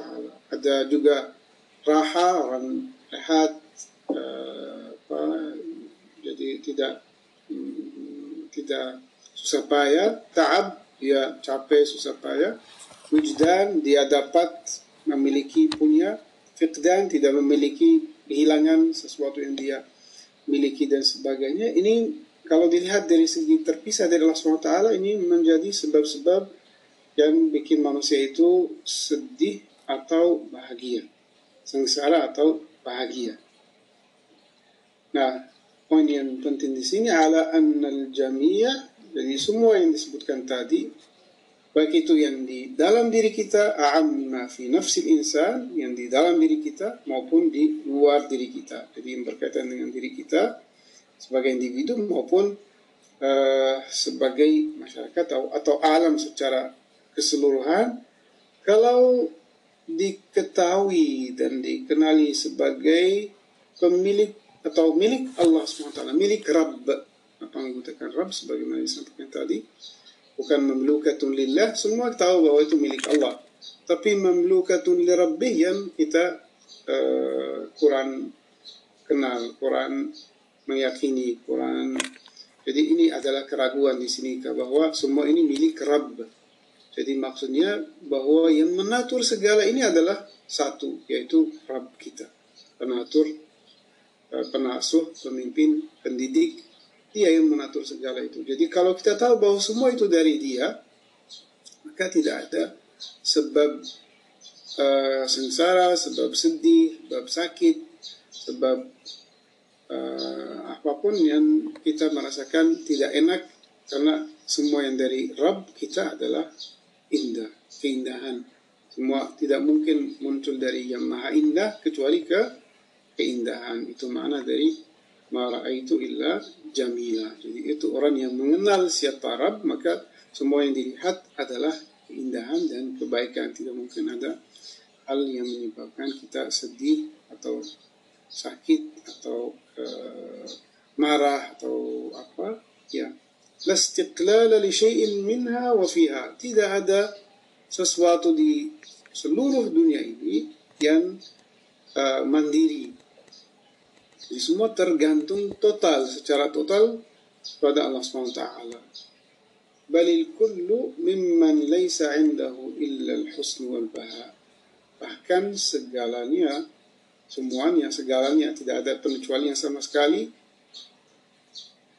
mereka itu dari dari siapa dari wujud maha uh, kasih sayang yang darinya tidak muncul kecuali kebaikan, keindahan dan uh, apa namanya ya kebaikan dan keindahan. Ala ma yaliqu bi'izzatihi wa jalalihi. Sesuai dengan uh, kedudukan Allah SWT yang um, apa namanya sesuai dengan keperkasaan dan juga ke jalal atau keagungannya jadi maksudnya uh, ya kadang-kadang ada hikmah kenapa muncul asma jalaliyah. Ada hikmah kenapa harus uh, yang kita lihat harus mengikuti satu uh, arus yang tertentu yang kita tidak mungkin uh, suka atau menira itu membahayakan diri kita. Tapi itu hikmah Allah SWT yang tahu itu dan uh, ketentuan Allah tidak bisa dikalahkan oleh siapa pun.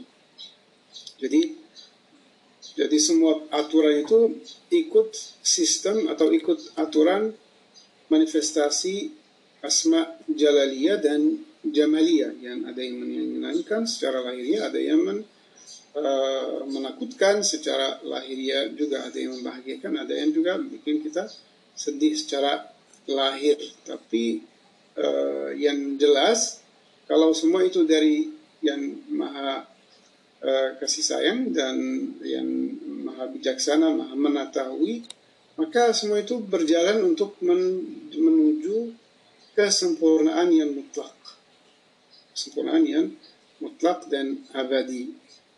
Itu yang uh, menyebabkan para uh, arif, para awliya, mereka tenang dan tidak khawatir sama sekali apa pun kejadian yang terjadi di sekitar mereka, mereka tidak sama sekali uh, berubah keadaan batin mereka. Walaupun secara lahir bisa sedih, bisa nangis, bisa Um, baik Ikhwan dan Akhwat Bapak dan Ibu sekalian demikian tadi uh, penjelasan Ustaz. Uh, masih terkait dengan surah Al-Baqarah ayat 35 bagi antum yang ingin bertanya silakan menggunakan chat atau juga bisa resen menggunakan mikrofon nanti. Uh, silakan Ustaz sudah ada pertanyaan Ustaz di chat shop kita mulai Ustaz? Ya silakan. Silakan uh, Ustaz. Uh, dari Pak Amrizal Tamrin Ustaz ada pertanyaan. Satu salam Ustaz.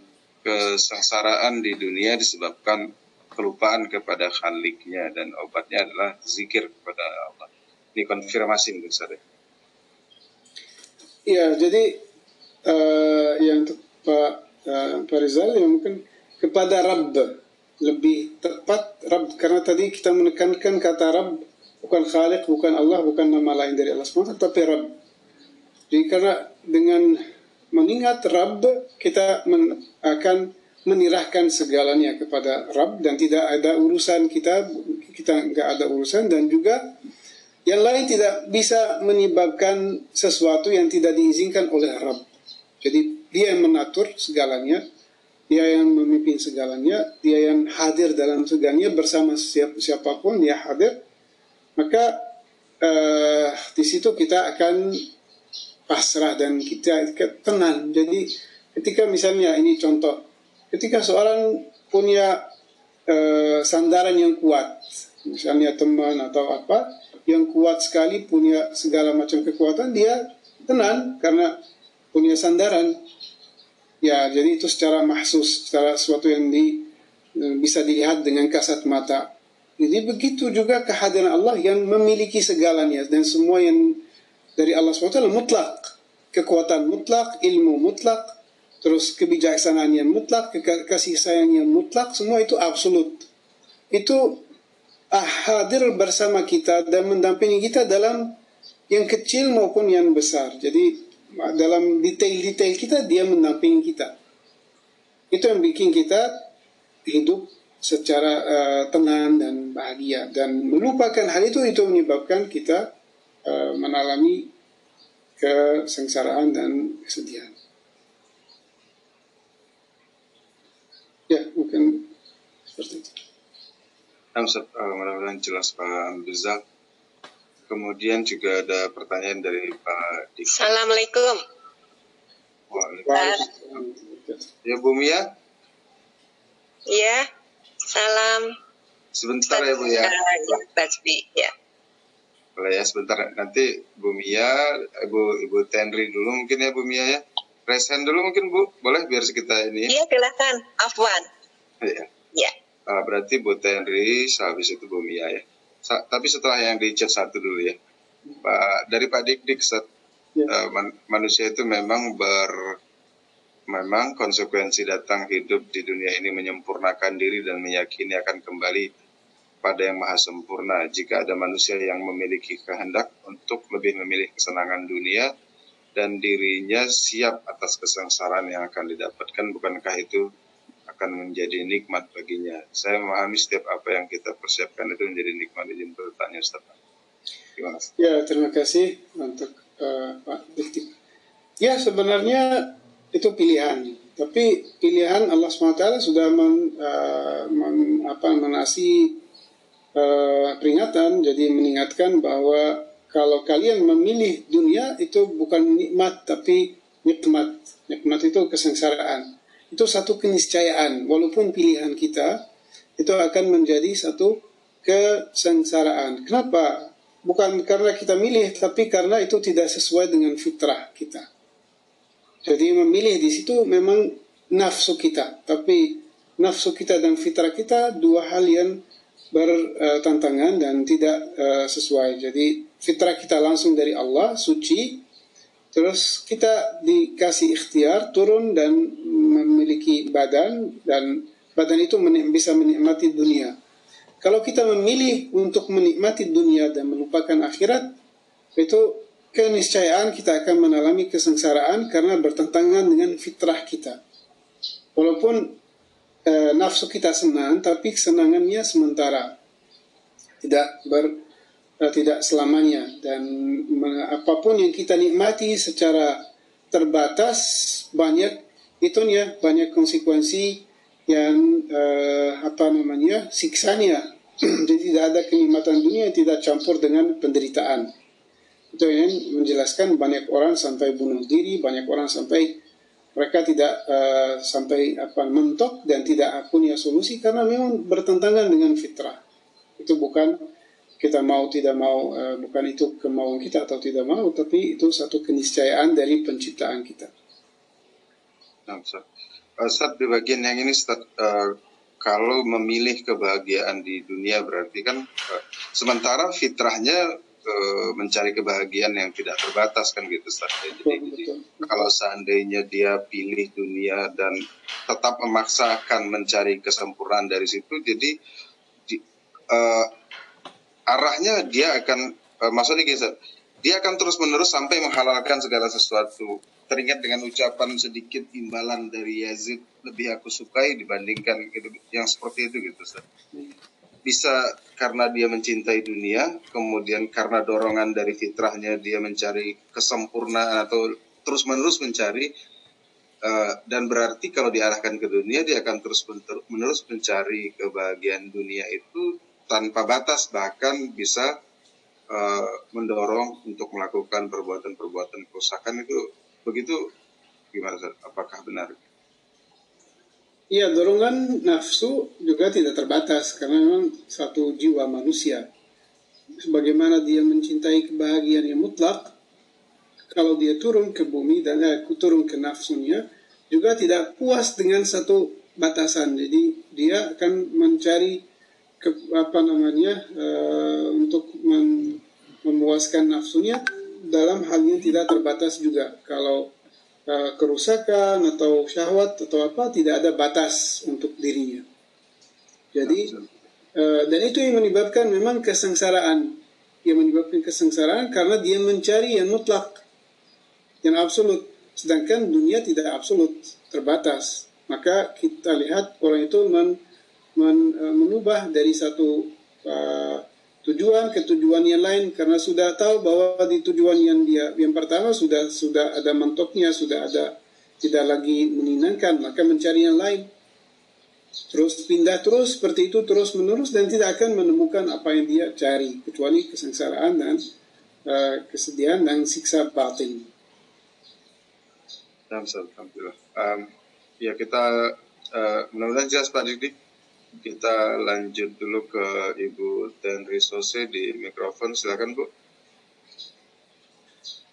Baik, terima kasih Pak Eswati. Assalamualaikum Ustaz. Waalaikumsalam uh, topik kita kehidupan toibah dan kehidupan jahil.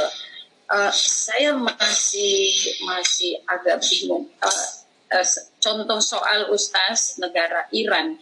Negara Iran ini memperlihatkan kemandiriannya dan uh, uh, tidak melakukan pembalasan kepada para sionis, para Amerika yang selalu setiap saat mengganggu. Apakah itu keputusan yang diambil agar terus-menerus uh, di samping dia melakukan pendekatan tadi sadar terus bahwa kehidupan adalah Tuhan. Uh, tetapi menikmati juga terus perlakuan-perlakuan uh, keburukan.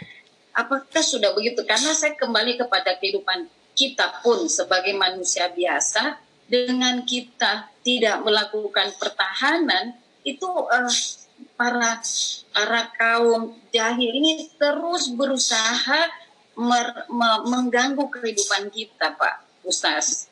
Jadi, apakah kita mesti melakukan sebuah uh, sebuah uh, perlawanan sehingga biar dia jerah niatnya kita bahwa dia harus uh, dibuat jerah atau memang kita harus melakukan seperti negara Iran lakukan hanya bertahan dan menikmati uh, semua gangguan-gangguan. Terima kasih Ustaz.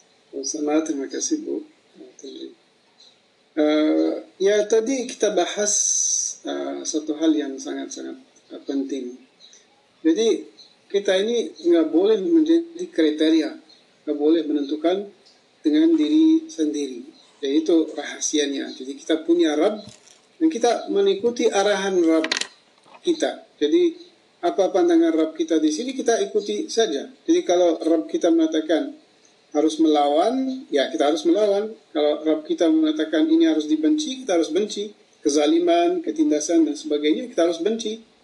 Kalau Rab kita kita harus bergerak, kita harus bergerak uh, Rab kita kata diam harus diam. Jadi kita yang kita ini adalah uh, ahab hamba yang tidak tahu apa yang baik apa yang buruk maka kita mengikuti uh, syariat mengikuti kapan Allah SWT memerintahkan untuk bergerak berjihad atau tidak berjihad itu tergantung perintah Allah Subhanahu Wa Taala. Jadi uh, kita mengambil kebijakan untuk uh, apa namanya melawan atau diam itu tergantung uh, hukum syariat. Syariat itu hukumnya di situ harus berjihad atau tidak. Jadi bukan kita yang menentukan melawan atau tidak melawan. Dan itu ya itu tergantung nanti kembali ke mujtahid, kembali ke orang yang mujtahid yang uh, bisa tahu kapan harus berperang, kapan tidak.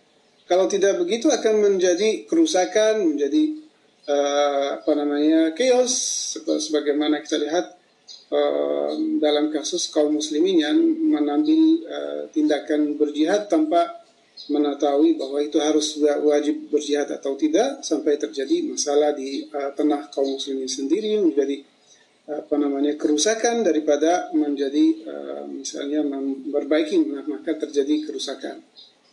Jadi kata kuncinya kita harus mengikuti apa yang diperintahkan Rabb kita melalui syariat dan kita ambil itu dari uh, orang-orang yang uh, punya uh, hak untuk men, uh, mengeluarkan fatwa untuk orang ulama yang yang uh, sudah mencapai makam yang mustahid dan mereka yang bersangkutan untuk memberi uh, arahan untuk apa yang uh, kita harus lakukan.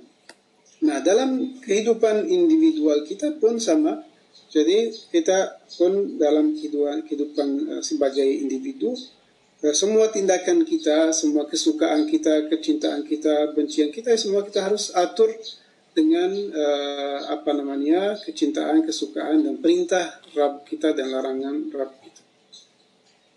Ya, mungkin uh, seperti itu, Bu Henry. Semoga menjawab. Karena Bu Henry mudah-mudahan jelas ya, Bu ya. Ya, terima kasih Ustaz. Alhamdulillah, Alhamdulillah Ustaz. Ustaz. Um, uh, kemudian kita ke Ibu Mia. Silakan Bu Mia. Iya. Assalamualaikum Pak Iswardi, Ustadz, Basi. Ya. Uh, ini Ustadz, saya mungkin uh, mohon maaf apabila uh, pertanyaan ini uh, apa uh, karena tidak dari awal, tapi uh, saya yakin ini ada ininya sehubungan dengan uh, psikologi itu kan uh, intinya tuh uh, ini mengenal diri juga ya karena ada motonya di situ uh, dalam ilmu psikologi itu mengenal diri. Nah di sini tadi uh, saya uh, kaitkan dengan apa yang uh, Ustadz Abasi sampaikan. Jadi kita uh, untuk kan kebahagiaan, mencapai kebahagiaan selama ini kan mungkin ilmu uh, psikologi itu hanya uh, kebahagiaan yang uh, di dunia mungkin ya uh. Nah, uh, kaitannya tadi disampaikan bahwa tidak ada keterpisahan antara uh, apa namanya ke kebahagiaan yang akan dicapai di sini dengan yang akan ya uh, kalau kita mengetahui makom merobnya itu uh, Ustadz Abbasim mungkin uh, relevansinya uh, ada di situ mohon pencerahannya terima kasih Ustaz. Sama terima kasih Bu. Ya. Ya.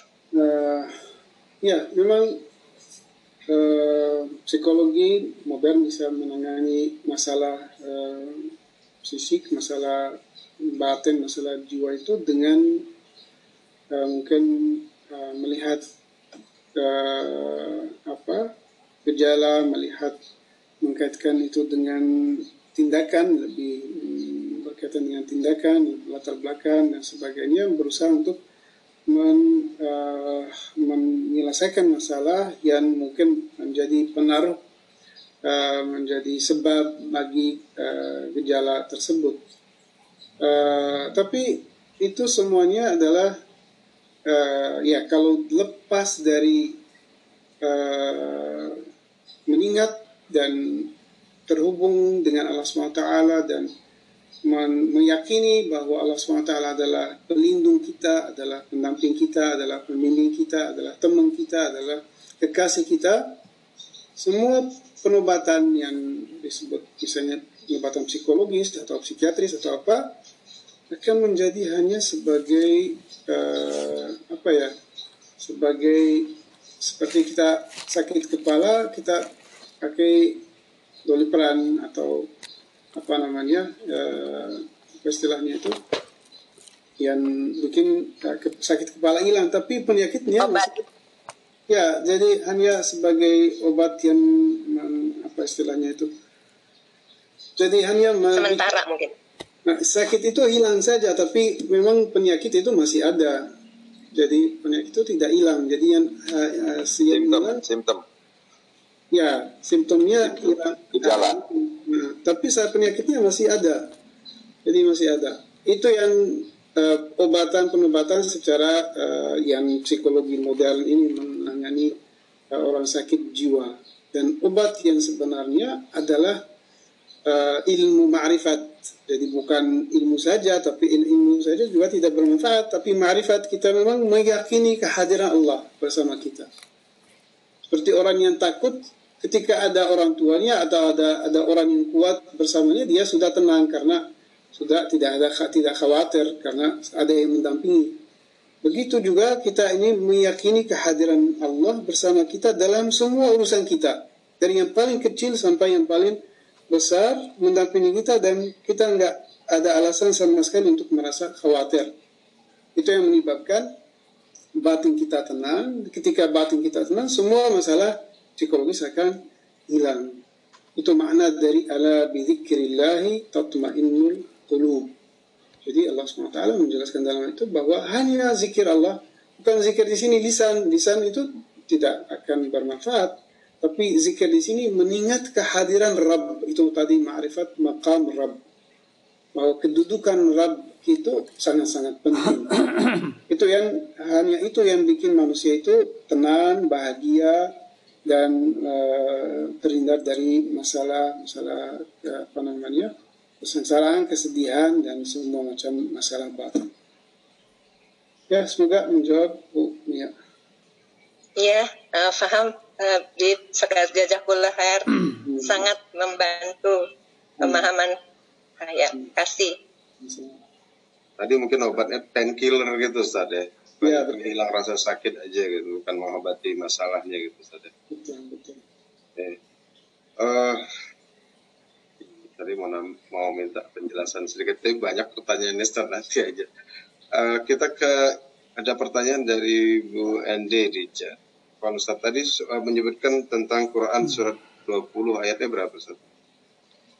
Kayaknya udah dijawab sama Habib Saleh. Udah ya? Ya, di chat ada katanya 123 kata. Oh, oh ya, 123. Salah. Syukran. Kemudian um, ini di Japri cara tobat sesuai ahlul bait. Maksudnya mungkin kembali kepada Allah eh, caranya yang yang dianjurkan gitu oleh ahlul bait. Gimana sih? Ya, jadi uh, taubat sebagaimana kita pernah bahas berkali-kali dalam Manazil Sairin dan juga dalam pembahasan yang lain. Juga dalam buku uh, Lubab sudah juga dibahas taubat. Uh, taubat secara bahasa kembali. Dan it, kita akan membahas mungkin minggu depan insyaallah kita akan membahas dalam surat Al-Baqarah makna dari fataba alaihi thumma taba fataba alaihi ada taubat di situ kita akan membahas mungkin uh, secara detail makna taubat dari Tuhan makna taubat dari dari hamba jadi taubat itu secara bahasa kembali jadi hamba kembali kepada Allah, Allah kembali kepada kita. Sebenarnya Allah yang kembali kepada kita dulu dan kita kembali kepada Allah. Jadi kalau Allah tidak kembali kepada kita, kita nggak mungkin kembali kepadanya. Jadi uh, Allah kembali kepada hamba ketika hamba ada kesiapan sudah uh, ada ada kehendak, ada keseriusan ada kemauan meninggalkan maksiat, meninggalkan hal-hal yang tidak uh, merindai Allah SWT. Dia sudah tahu bahwa ini menyebabkan dia tidak bahagia, menyebabkan dia sengsara walaupun kelezatannya ada, tapi sementara dia ingin mencari kebahagiaan yang yang sejati di sisi Allah SWT. Maka dia mau melepaskan diri, menjauhi uh, apa namanya hal-hal yang bikin dia sengsara dan kembali ke Allah untuk mencari kebahagiaan yang sejati. Ini ada niat, ada keseriusan dalam hal ini. Jadi bukan hanya sekali misalnya ada taubat yang uh, orang tidak tidak bukan taubat nasuh, misalnya orang mengalami uh, penderitaan karena kelezatan duniawi, dia mengambil keputusan untuk kembali. Tapi sebentar lagi dia kembali lagi jadi itu tidak serius, perannya tidak serius dan tidak memang uh, secara uh, secara rasional belum ada memang keputusan untuk meninggalkan uh, apa namanya maksiat. Jadi memang harus ada keseriusan itu syarat pertamanya. Ada penyesalan.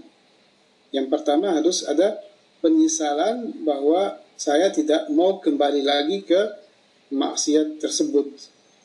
Nah, ketika ada penyesalan, uh, ada di situ mulai hamba kembali kepada Allah SWT dan mulai menjalani uh, apa yang dianjurkan Allah SWT terus dan uh, meninggalkan secara total dan menyesali apa yang dilakukan dan menjauhinya bahkan tidak sama sekali uh, suka apa yang dia lakukan bukan tidak cenderung lagi karena kalau masih cenderung taubatnya belum belum bisa disebut sebagai taubatan nasuhan. Jadi tidak ada kecenderungan sama sekali untuk kembali karena sudah tahu bahwa itu adalah sebab kesengsaraannya. Jadi ngapain dengan hal itu kalau diikuti terus tidak dia akan mengalami kesengsaraan selamanya. Lalu kembali kepada Allah SWT dengan menyesal dan mulai memperbaiki mulai apa? Memperbaiki. Memperbaiki apa yang dia sudah lakukan. Misalnya uh, masalahnya dengan manusia yang lain sesama dia menzalimi orang, apa namanya sesama lain itu diperbaiki. Terus lalu mulai juga memperbaiki dirinya dengan Allah SWT qada salatnya puasanya uh, apa namanya zakatnya dan semuanya itu dia qada itu sebagai tanda-tanda keseriusan dia mau kembali kepada Allah SWT karena dosa itu ada bekas-bekasnya. Itu yang disebut belenggu atau uh, apa namanya penhambat yang menghambat manusia ini tidak um, apa tidak maju tidak bisa uh, apa namanya maju dalam uh, perjalanan spiritual itu adalah bekas dari dosa bekas dari masalah yang sebelumnya. Jadi harus dia mulai memperbaiki itu e, bertahap, bertahap sampai dia bebas dari dari masalah yang lalu dan mulai kehidupan baru dan uh, akan dilancarkan oleh Allah SWT dan akan menjalani kehidupan yang lebih bahagia dan lebih bermakna. Ya ini secara keseluruhan taubat tapi dibahas secara detail dalam uh, pembahasan uh, yang berkaitan dengan taubat. Ya semoga jelas. Ya, nah, mudah-mudahan jelas uh, pertanyaan ya, jawaban dari Ustaz. Um, kemudian kita lanjut dulu sebentar, uh, Bu sebentar ya. Ada satu lagi di chat dari Ibu Putih. Assalamualaikum warahmatullahi wabarakatuh tadi disebutkan Allah mengatur kerajaannya, kita tidak punya urusan sama sekali dalam setiap detail. Dan seorang hamba tidak boleh mengambil posisi rak karena semua pengetahuan kepemilikan hanya milik Allah. Jadi beberapa besar keterlibatan manusia di dalam berdoa dan ikhtiar. Atau justru doa dan ikhtiar sebenarnya ujung ujungnya adalah manusia ikhlas menerima dan tidak takut dengan semua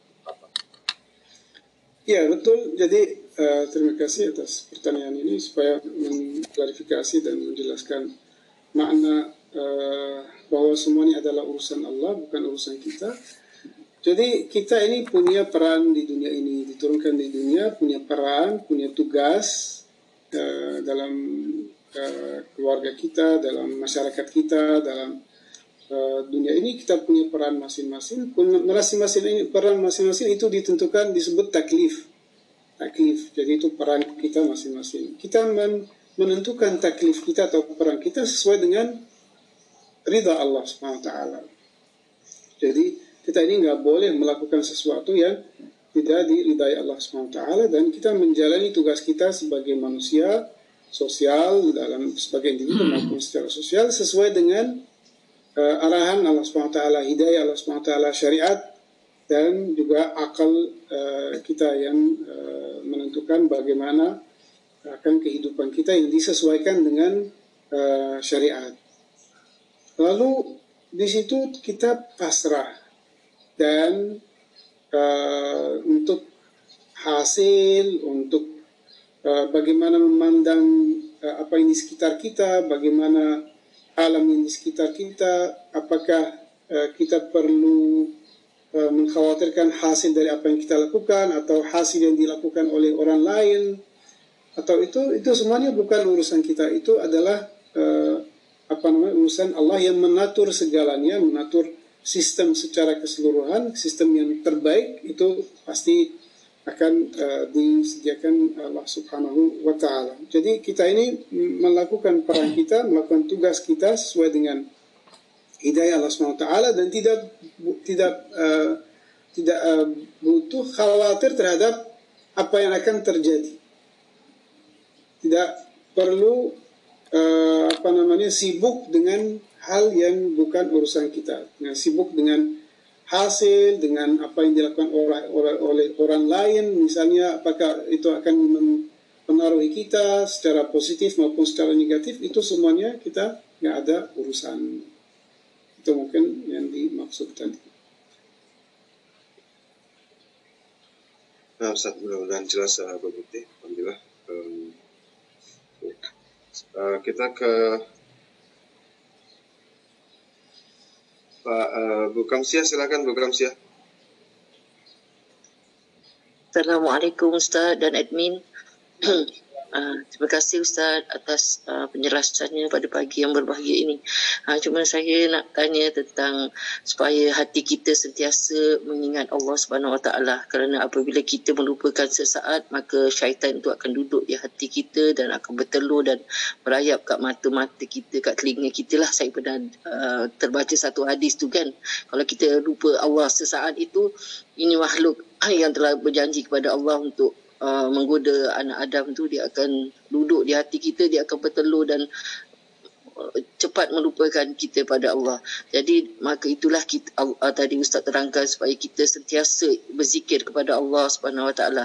Jadi dalam masalah zikir ni ustaz uh, macam kita nak Uh, zikir di di lisan kemudian bila satu peringkat kita dapat zikir di hati tu kita uh, perlukan sesuatu macam macam saya lihat orang-orang di uh, negara Iran yang yang ahli ulama ni kan mereka memegang tasbih tu. Sambil kadang bercakap buat kerja pun dengan tasbih.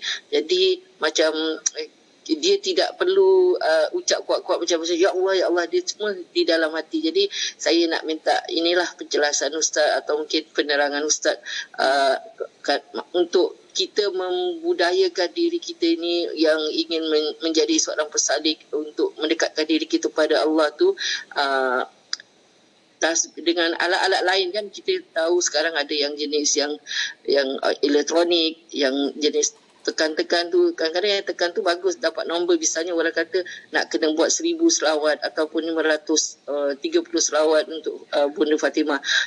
Tapi kadang-kadang bila yang alat-alat itu bila kita nak berzikir tu dia berbunyi bunyi ketek-ketek-ketek tu kita rasa macam mengganggu orang lain pula. Nanti bila kita tekan orang dengar kita rasa macam eh astagfirullahalazim nah kita mengganggu dia menjadikan riak kan. Jadi saya tak mau macam tu. Jadi minta penjelasan ustaz saya rasa tasbih itulah yang sebaik-baik uh, yang terbaik lah yang tidak mengganggu sesiapa tapi saya takut macam menjadikan uh, satu riak tapi saya, bila saya tengok orang-orang alim ulama di Iran tu menjadi kebiasa, kebiasaan pada mereka lah untuk berzikir menggunakan alat-alat membantu diri supaya ingat pada Allah. Kerana bila tangan mereka bergerak tetapi jiwa dan hati fikiran mereka tu sekurang-kurangnya zikirnya ya Allah ya Allah tu yang paling uh, yang paling ringkas. Atau yang lain pun mungkin macam kita ni astagfirullah kan dah tahu banyak dosa itu yang banyak kita baca astagfirullahalazim ha, jadi minta penjelasan ustaz dari segi uh, untuk kita berzikir mendekatkan diri kepada Allah. Itu je ustaz. Terima kasih terima kasih atas pertanyaannya. Uh, ya memang zikir secara lisan atau secara lahir uh, adalah pemicu untuk menghayati zikir yang hakiki, yang real, yaitu zikir hati. Jadi awalnya zikir itu memang dari lahir, dari zikir lisan, zikir uh, apa namanya amal, fial, perbuatan, dan itu diserahkan ke hati. Jadi yang penting hati yang berzikir.